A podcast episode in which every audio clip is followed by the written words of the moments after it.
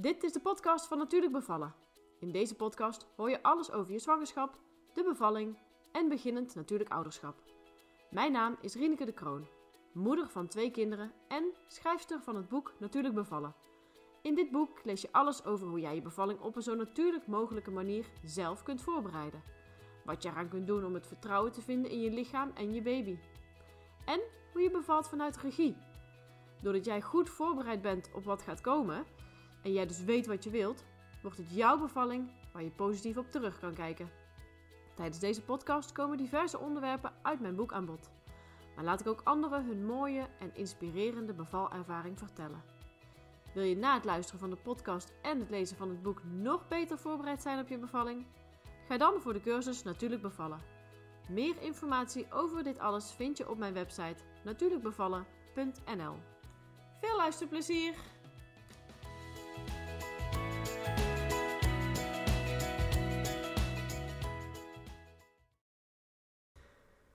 Wat fijn dat je weer luistert naar deze nieuwe podcast. En deze keer wil ik het graag hebben over het eerste uur nadat je bent bevallen, oftewel het gouden uur. Dit uur is ontzettend belangrijk voor de binding van jou en je baby en ik ga je graag uitleggen waarom. Um, je baby is geboren. Een enorme ontlading voor zowel, jou, jijzelf als je baby. Um, wie je kindje ook aanpakt, jezelf, je partner of je verloskundige, zorg ervoor dat je uh, baby direct tegen jouw warme buik komt te liggen. Vergeet niet dat het voor je baby een bijzonder grote verandering is om vanuit het warme vruchtwater, uh, misschien wel via het warme water van het bevalbad, uh, ineens met lucht in aanraking te komen. Hij heeft negen maanden in jouw buik gegroeid. Dat is een constante temperatuur en met gedempte geluiden. Het heeft al jouw bewegingen zacht kunnen ervaren. Dat komt door de beschermende functie van het vruchtwater. Na een intense ervaring van de geboorte gaat je baby voor het eerst ademhalen. Het voelt de koude lucht en uh, ontvangt geluid in een heel andere trilling. Daarom is het zo essentieel dat je baby direct na de geboorte de liefdevolle herkenning vindt bij jou als moeder. Je kindje voelt zich niet alleen veilig en vertrouwd bij jou, maar hij, hij herkent ook je geur en voelt je warmte als het bloot op jouw buik wordt gelegd. Dus uh, bij direct huid-op-huid contact wordt je baby niet uh, ingewikkeld in doeken of in een deken, maar de deken ligt over jullie beiden. Dat uh, vettige laagje op de huid, vernix wordt dat genoemd, dat heeft een antibacteriële werking en het helpt je baby te beschermen. Dus zorg ervoor dat dat, dat, dat laagje niet wordt weggeveegd, maar laat het lekker zitten, want het kan heel goed gaan intrekken op die manier. Uh, meteen na de geboorte hebben zowel jij als je baby een enorme piek in het adrenalinegehalte. Dat zorgt ervoor dat je volledig aanwezig bent om je kindje te ontvangen. En dat je, je baby is ook heel alert en kijkt met heldere ogen. Dit wordt imprinting genoemd. Jij als moeder bent de eerst aangewezen persoon om je baby in de ogen aan te kijken. Deze ogen van jou die worden heel goed opgeslagen in het brein. En het is ook gebleken dat een baby die uh, de eerste maanden eigenlijk de beste troost vindt bij de ogen die ze hem uh, zijn ingeprent. Dus zorg er ook voor dat alle andere aanwezigen bij je bevalling weten dat jij degene bent die het eerste oogcontact maakt. Dat gouden uur heeft nog een ander voordeel, want als je baby uh, een uur lang op jouw borst ligt en zelf de uh, kans krijgt om jouw borst te vinden, dan vergroot dat het succes van de borstvoeding. Um, het vergroot de kans op goed aanhappen en het brengt ook de melkproductie voor het eerst uh, op gang. Natuurlijk moet je baby wel even geobserveerd worden direct na de geboorte, bijvoorbeeld op reflexen, maar dat kan ook heel goed op je buik plaatsvinden. Als er geen directe medische noodzaak is om te handelen, dan kun je vragen of dat andere testen, zoals meten en wegen, ook later kunnen gebeuren. Er wordt wel eens gezegd dat je baby uh, te veel zou afkoelen. Maar als er een goede deken over jullie allebei ligt, dan is jouw, jouw lichaam echt de allerbeste kruik. En is, is supergoed in staat om, uh, om jouw baby op temperatuur te houden. Juist ook bij prematuur geboren baby's. Uh, want jouw lichaam heeft een constant dezelfde temperatuur, maar het voelt vooral ook zacht en vertrouwd aan. Hierdoor uh, zal je kindje ook wel minder stresshormonen aanmaken, waardoor hij beter in staat is om zijn ademhaling, de bloeddruk en de hartslag normaal en stabiel te houden. Het is ook zo dat je kindje door huid-op-huid contact zijn bloedsuikerspiegel beter op peil kan houden. Baby's die lange tijd huid-op-huid contact hebben gehad, zijn beter gekoloniseerd met de bacteriën van de moeder, wat weer bevorderend is voor een goede darmflora en de kans op allergieën op latere leeftijd vermindert. Baby's die veel huid-op-huid contact hebben, slapen doorgaans beter en huilen minder, doordat ze een groter gevoel van veiligheid ervaren. Als ze testen en uh, meten en wegen van, uh, van je baby als hij daardoor even van, van je buik af moet, vraag dan of het zo kort mogelijk mag en leg hem zo snel mogelijk weer terug op jouw blote warme buik met een deken over jullie allebei. Daardoor zal je baby nauwelijks afkoelen. Het belang van eh, direct huid-op-huid contact, dat begint gelukkig langzaam door te dringen in de meeste ziekenhuizen.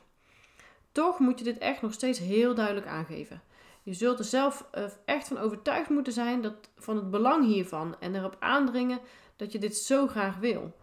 Uh, natuurlijk al, alleen maar als het medisch verantwoord is. Maar goed, daar kun je het wel over hebben. Wat is eigenlijk medisch gezien verantwoord voor je kindje? Dat is eigenlijk best wel een moeilijke discussie. Want aan de ene, zijn, kant heb je jouw gevoel en aan de andere kant heb je uh, de medische wereld. Tenzij als je bijvoorbeeld in het ziekenhuis uh, bevalt. Uh, we weten inmiddels dat huid-op-huid contact heel erg waardevol is voor iedere pasgeboren baby. Dus ook voor prematuur geboren baby's die in een couveuse zou moeten liggen. Je kunt jezelf afvragen, ligt de baby in een couveuse omdat hij instabiel is? Of is hij instabiel omdat hij in een couveuse ligt en de nabijheid van zijn moeder mist? Ja, dit is een lastige vraag. Uh, deze vraag die zul je zelf moeten beantwoorden op basis van je eigen gevoel. Ik zelf, ik denk dat juist te vroeg geboren baby's heel erg veel baat hebben bij huid-op-huid contact. Want stel je het voor, als je baby moederziel alleen in een couveuse ligt, de eerste dagen van zijn leven, dan mist hij dus de bescherming van zijn moeder. Wat heel veel stress veroorzaakt in het hele hypergevoelige brein dat zich volop aan het ontwikkelen is. De energie die hij hierdoor verliest, die heeft hij juist zo hard nodig voor zijn groei en ontwikkeling op dat moment. Door veel huid-op-huid contact kan hij met behulp van co-regulatie van het moederlichaam en de rust die hij ervaart beter uh, zijn essentiële lichaamsfuncties aansturen. En die heeft hij juist zo hard nodig voor zijn ontwikkeling. Ook wanneer je baby extra zuurstof uh, nodig heeft, uh, is huid-op-huid contact nog steeds mogelijk. Want de behoefte van zuurstof die neemt juist af en de stabiliteit neemt toe. Als je als moeder niet in staat bent om je kindje veel huid-op-huid contact te bieden of ja, dus veel bij je te dragen, dan kan ook de vader of eventueel uh, opa of oma een rol spelen hierin. Als ik jou zou ik je wensen echt heel goed kenbaar maken aan, aan de arts of het verplegend personeel, maar volg vooral je eigen gevoel. Laat je niet overdonderen door de regels in het ziekenhuis, maar ga echt op je eigen gevoel af. Jouw kindje maakt maar één keer een start in zijn leven en jij hebt hier de allerbelangrijkste rol in. Ook wanneer je een keizersnede hebt gehad, is nog steeds direct huid-op-huid contact mogelijk. Dus uh, het gebeurt gelukkig steeds vaker hoor. Uh, dus terwijl de moeder uh, wordt gehecht, kan de baby gewoon prima op haar borst blijven liggen. Daardoor word je ook afgeleid van wat er verder, uh, wat er verder gebeurt. Maar bespreek vooraf heel duidelijk met je gynaecoloog wat je hierin wil. En ja, misschien moet je wel een beetje ingaan tegen de gebruikelijke, protocollen. Maar als er geen medische complicaties zijn, is eigenlijk alles bespreekbaar. Ja, ik vind het eigenlijk de taak van iedere zorgverlener om uh, juist deze eerste momenten na de geboorte dat natuurlijke proces niet of in ieder geval zo min mogelijk te verstoren. Als je baby geboren is en lekker lang op jouw blote buik heeft gelegen, dan kan het zijn dat je even van positie wilt veranderen, naar het toilet wilt of even douchen of zo. Nou, de beste plaats voor je baby is dan de blote buik van je partner. Ook voor de binding tussen de vader en het kind is huid-op-huid contact heel erg belangrijk. Uh, daardoor zal hij zich ook sneller op zijn gemak voelen bij, uh, bij zijn vader um, en zich ook makkelijker door hem laten troosten. Als je baby nog uh, in je buik zit, dan gaat het bloed van de baby naar de placenta en weer terug. Uh, de placenta, die vindt, daar vindt onder andere de uitwisseling plaats van uh, zuurstof en andere, andere voedingsstoffen. Um, en vlak na de geboorte is je baby nog steeds via de navelstreng gebonden, verbonden aan dit orgaan. En die placenta, die moet dan ook nog geboren worden. Er zit nog heel veel bloed in de navelstreng en in de placenta. En dat zit vol met essentiële voedingsstoffen. Dus de hoeveelheid bloed in de navelstreng en in de placenta is ongeveer zo'n 30, zo, ja, 30 tot 40 procent. En in je baby bevindt zich de overige 60, 70 procent. Vlak na de geboorte, nee, ja, vlak voor de geboorte eigenlijk moet ik zeggen, gaat er uh, extra bloed nog van je baby richting de placenta, zodat je baby zich zeg maar iets kleiner kan maken om door het geboortekanaal te kunnen. En direct na de geboorte, dan uh, gaat dat bloed weer terug. Maar als nou die uh, navelstreng heel snel na de geboorte wordt doorgeknipt, dan blijft er dus best wel veel bloed achter in de navelstreng en in de placenta. En dat is eigenlijk bestemd voor je baby. Dus het is beter om te wachten totdat de navelstreng is uitgeklopt. Dus totdat je geen hartslag meer uh, voelt in de navelstreng.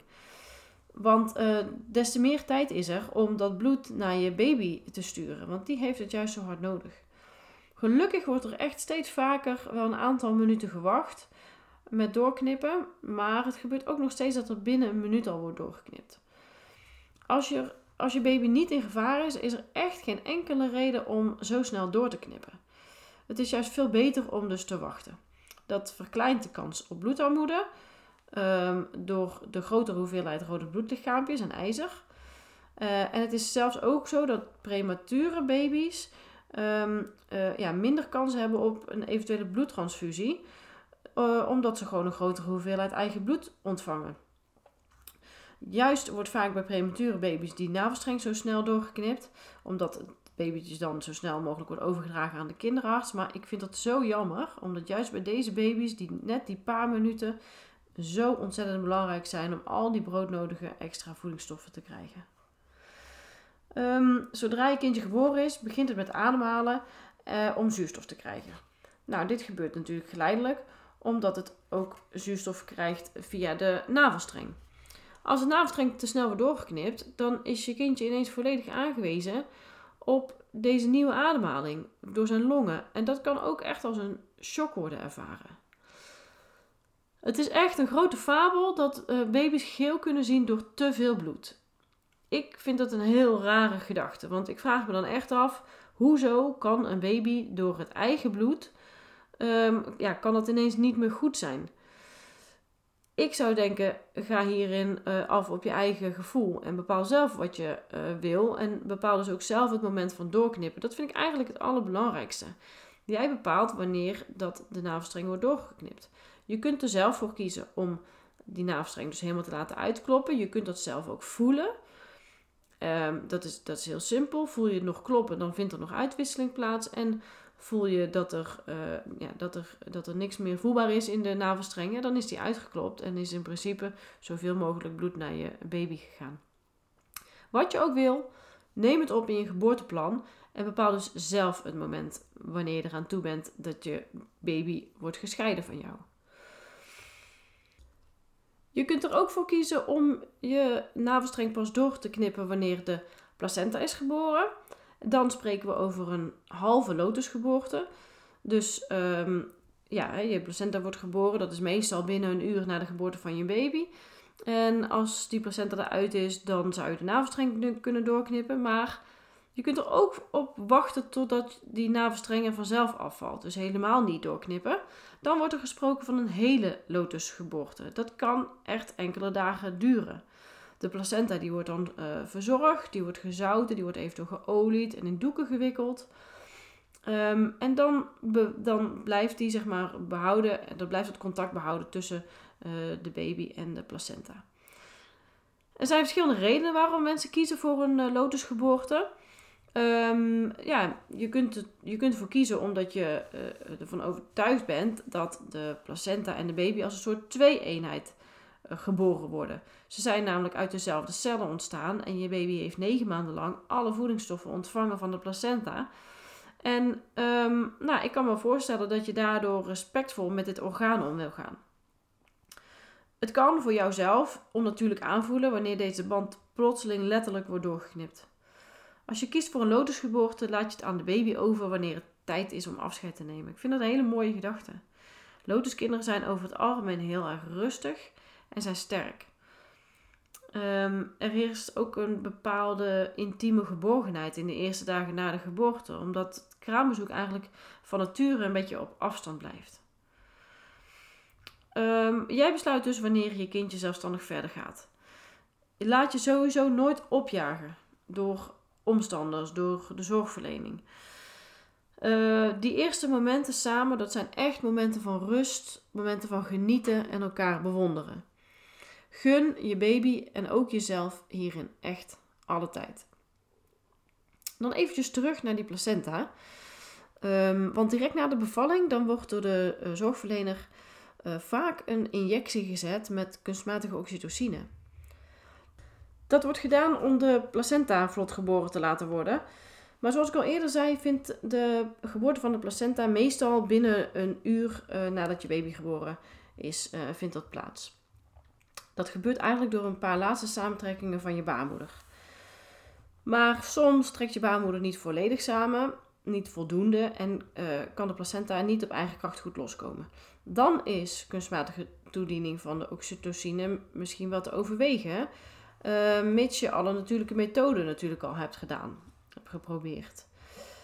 Ik vind het, uh, ja, dat is persoonlijk, maar ik vind het tegen natuurlijk om bij voorbaat al een injectie te geven zonder dat er direct medische aanleiding voor is.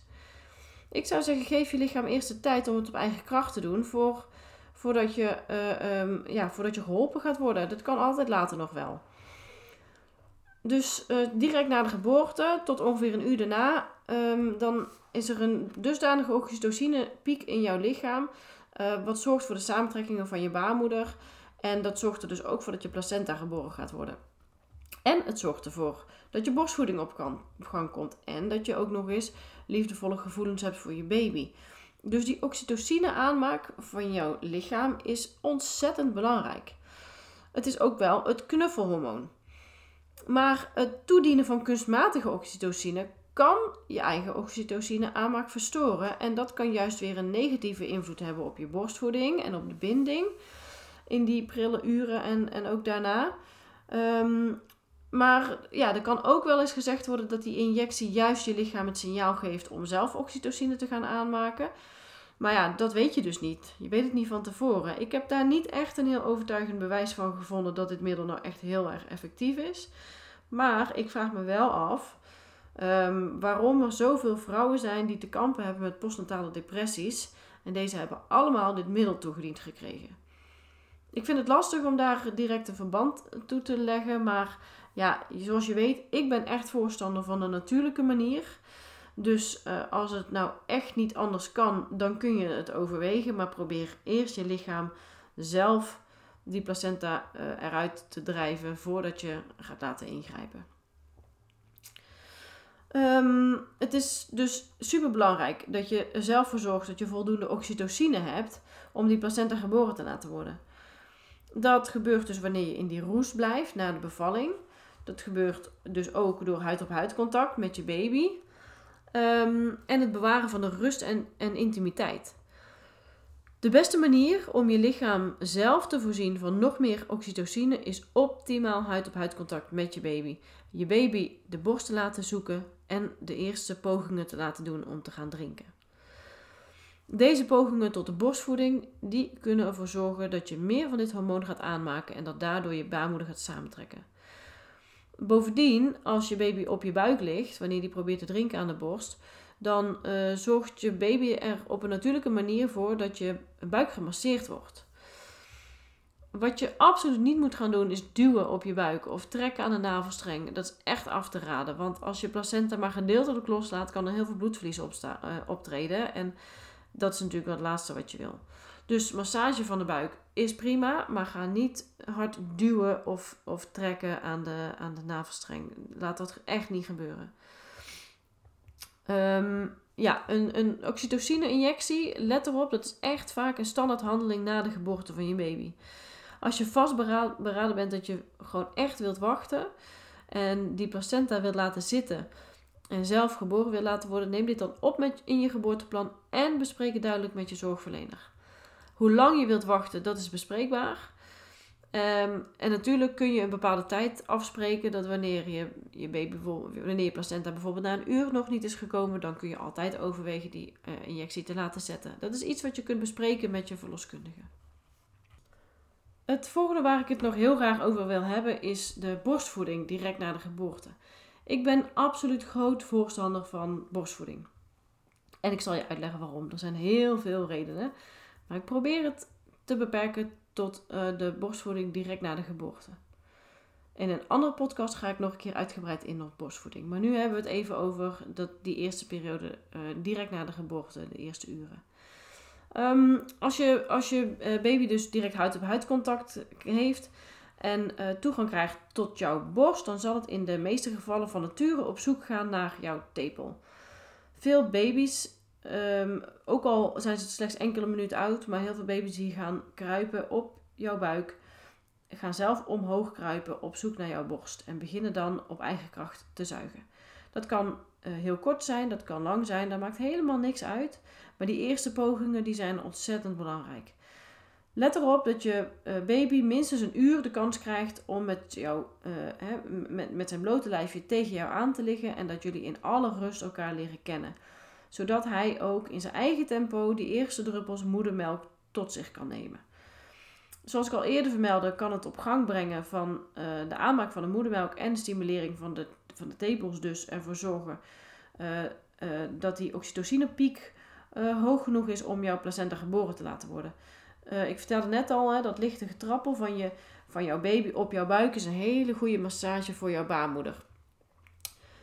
daarnaast ervaren veel vrouwen een soort tintelend gevoel in de tepels als, je baby, als haar baby voor het eerst drinkt. Dat is het toeschietreflex. Ja, in het begin kan dat misschien niet zo prettig aanvoelen, maar na langere tijd borstvoeding dan wordt het gevoel vanzelf wel minder. Maar die, die kliertjes in je tepel die gaan openstaan en daar komt dan die moedermelk natuurlijk uit. Maar dat is vooral in de eerste periode van de, van de borstvoeding. Um, ja, in dat eerste uur is het vooral gewoon de, Misschien komt er dan maar een enkele druppel uh, van de moedermelk. Maar dat is eigenlijk al voldoende. Want uh, die eerste moedermelk, die heet colostrum. En die is heel rijk aan essentiële voedingsstoffen voor de eerste paar dagen. Het zijn eigenlijk maar een paar druppels die je baby neemt. Het uh, bevat heel veel eiwitten die belangrijk zijn voor de ontwikkeling van de organen. Het bevat suikers die je baby helpen om zijn bloedspiegel, bloedsuikerspiegel op peil te houden. Uh, het maag-darmstelsel van je baby is nog niet volgroeid. En doordat het colostrum als een lichaams-eigen stof wordt gezien, is het heel erg licht verteerbaar. Het zorgt er ook voor dat jouw baby zijn eerste ontlasting, dat is een, een zwarte, best wel taaie uh, ontlasting, ook al een meconium genoemd. Uh, maar die, die eerste druppels borstvoeding, die zorgen ervoor dat hij dat uh, makkelijker kwijtraakt door het licht laxerende effect. Het, uh, dus die, het colostrum, die eerste druppels moedermelk, die zijn rijk aan antistoffen.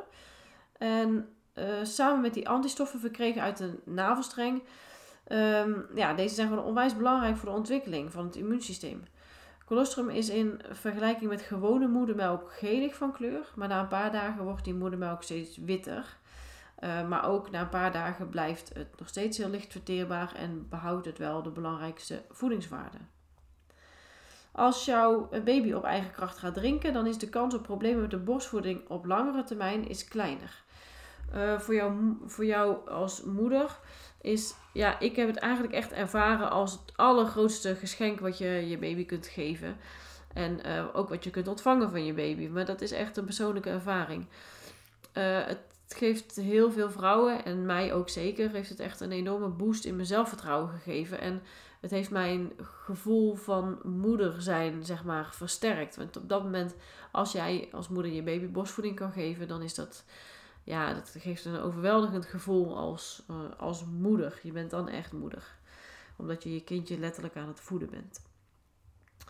Uh, na de geboorte is echt alles nieuw voor je baby. Je, je lichaam en je borst die voelen als een veilige basis om de wereld te verkennen. Het is als een soort anker, uh, veilig en vertrouwd, zeg maar. Het is niks, niet voor niks dat uh, jouw baby in het begin, na de geboorte, weinig ziet. Um, hij kan wel zien op een afstand van ongeveer 20 tot 30 centimeter vanaf zijn ogen. En ik vind dat zoiets moois, want het is precies de afstand die jouw baby heeft van jouw borst tot aan jouw gezicht om je ogen te kunnen zien. Dat kan hij goed zien en de rest om, om hem heen ziet hij eigenlijk nauwelijks.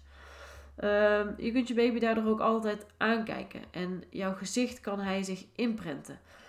Dus vanaf deze veilige plek aan jouw borst kan hij rustig alles verwerken.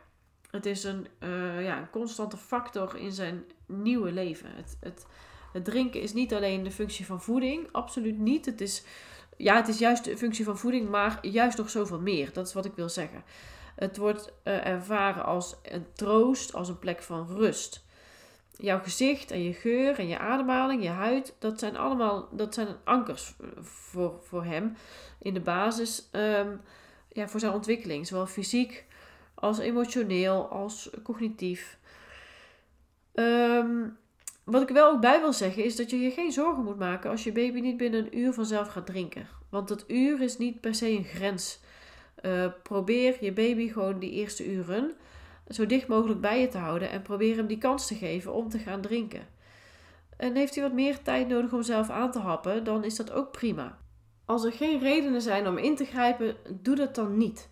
Want uh, baby's die te veel geholpen worden met het vinden van de borst, en er eigenlijk nog niet helemaal aan toe zijn, die kunnen ook weer gaan eh, tegenstribbelen. En dan werkt het juist averechts. Dus laat hierin ook weer de natuur uh, haar eigen gang gaan. Um, borstvoeding is in het begin eigenlijk niet altijd zo makkelijk zoals ik hierboven heb omschreven. Als je graag borstvoeding wilt geven, dan raad ik je echt aan om er voor de bevalling je er goed in te verdiepen. Tuurlijk kun je het zien als iets natuurlijks maar ook ik dacht er eigenlijk wel te licht over. Ik dacht ook van, nou, dat, dat kan ik wel. Maar um, ja, verdiep je er zelf echt in. Volg een cursus of ga boeken lezen. Maar zorg er ook voor dat je altijd contact kunt leggen met een goede lactatiekundige.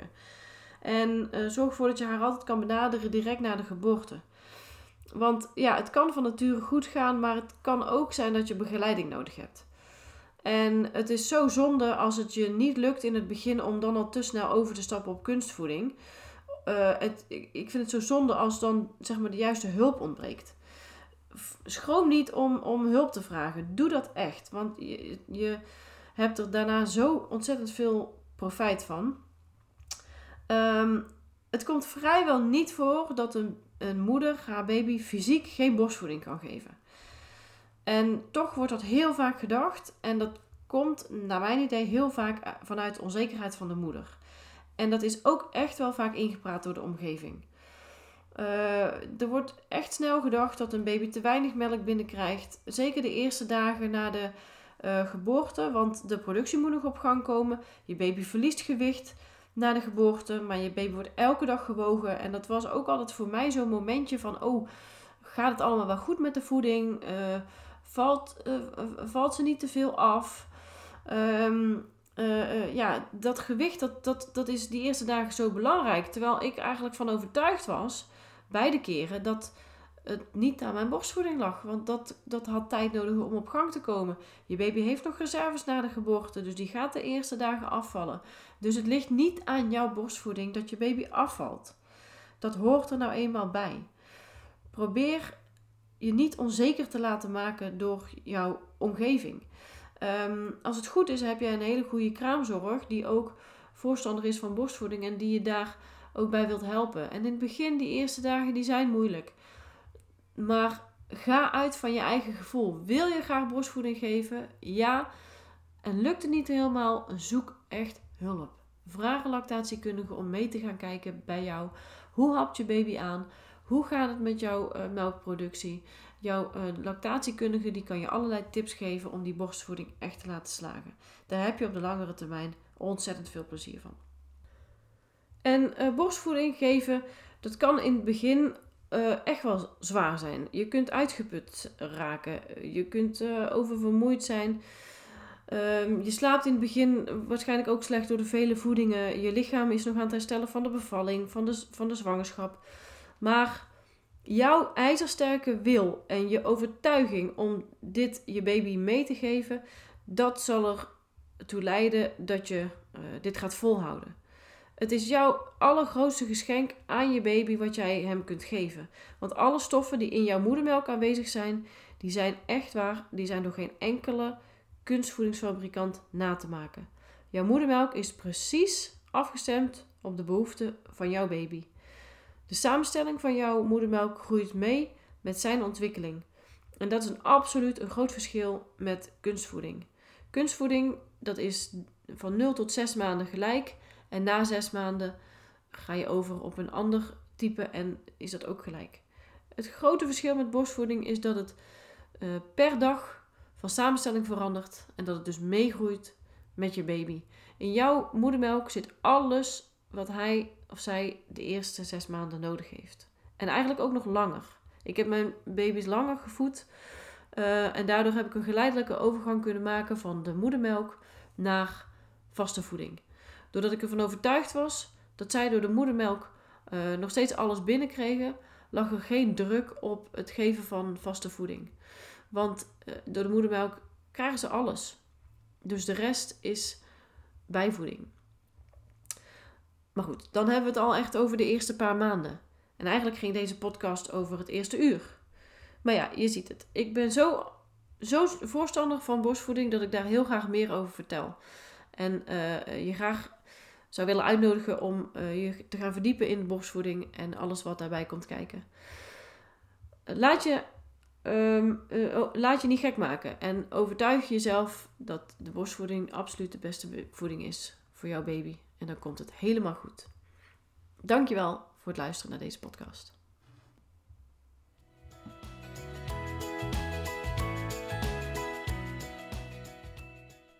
Dit was de podcast voor deze keer. Wil je meer weten over natuurlijk bevallen?